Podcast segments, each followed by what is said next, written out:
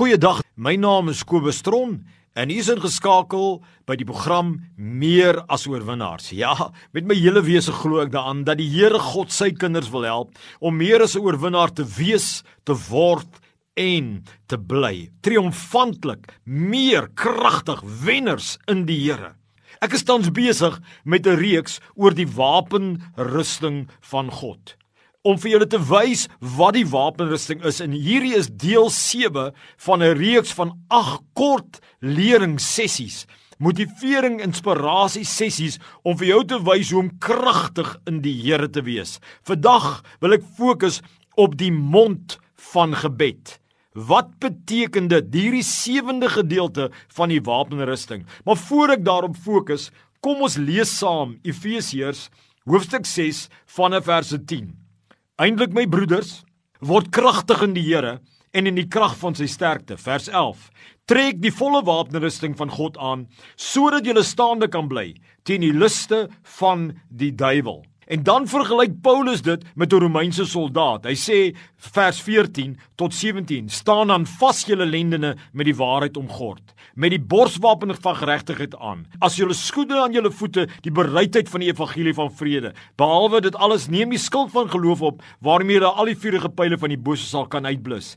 Neem aan die helm van verlossing en die swaard van die gees. Dit is die woord van God." En dan die sewende, terwyl julle met alle gebed en smekinge by elke geleentheid bid in die gees en juis daartoe waak met alle volharding en smekinge van die Heilige Gees. Wat is die mond van gebed? My vriend, sien jouself, sien 'n prentjie.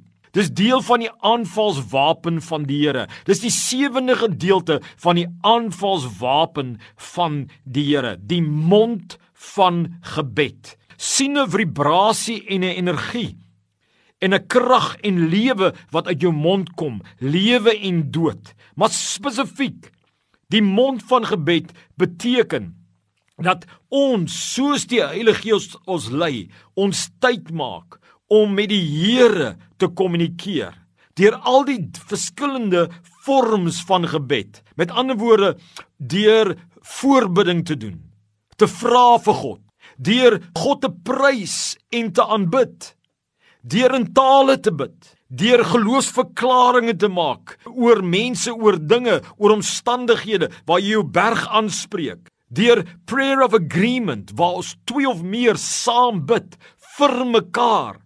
Daar's 'n krag, daar's 'n vibrasie wat wonderwerke veroorsaak, reg wat berge kan beweeg as ons leer die krag van gebed. 'n Ander woord vir krag van gebed is kommunikasie met die Here. Sê Jakobus 5 vers 16 iets so mooi, the effective fervent prayer of a righteous man availeth much. Die gebed van die regverdige het 'n geweldige krag. Dit aktiveer wonderwerke. En God sê, as jy wil kragtig wees in die Here, is dit reg om nie ander 6 aan te hê en te veg, maar die Here sê, kom na my toe, kom drink van my, kom eet saam met my. Sê die woord nie so baie duidelik in Markus 11 vers 22. Laat ons geloof in God hê, want die Here sê voorwaar voorwaar ek sê vir jou, as jy vir hierdie berg sê om te beweeg en jy twyfel nie, maar jy glo dit wat jy sê, sal jy kry, dan sal jy kry wat jy sê.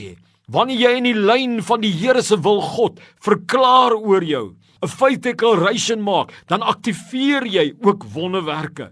Wanneer jy aanbid en jy prys die Here met lofsange, jy prys die Here met instrumente, is daar 'n geweldige krag. Psalm 75 vers 9 en 10 sê so mooi: But I will proclaim the victory of the God of Jacob. My melodies of praise will make him known.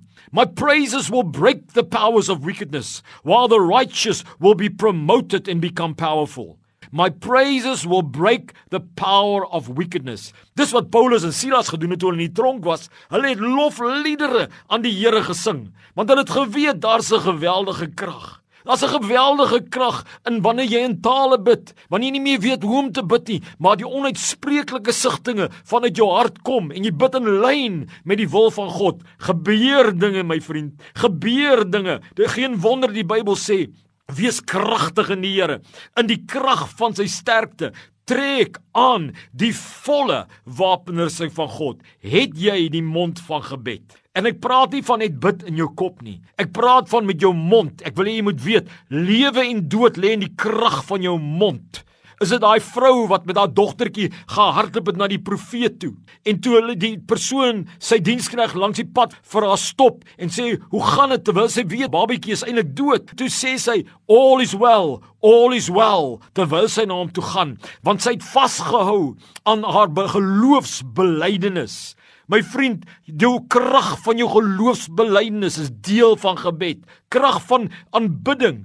As jy Sondag kerk toe gaan, gebruik jou aanbiddingstyd om oorlog te voer. Oorlog te voer, soos Paulus en Silas toe in die tronk was en God het gekom en die kettinge van wat hulle vasgebind het afgebreek. God wil die kettinge van jou afbreek, maar dis deur die krag van die mond van gebed. Dis deel van die volle wapenrusting van die Here. Het jy die mond van gebed?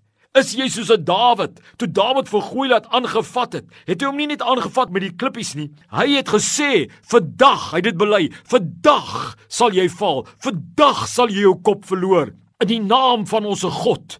Kom ons bely dat ons meer as oorwinnaars is.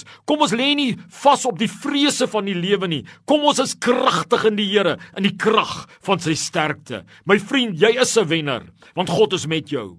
Jy is 'n wenner want jy loop en leer om te veg met die volle wapenrusting van die Here. God seën jou triomfantlik, victorious kingdom warrior. God bless. God seën jou. Amen.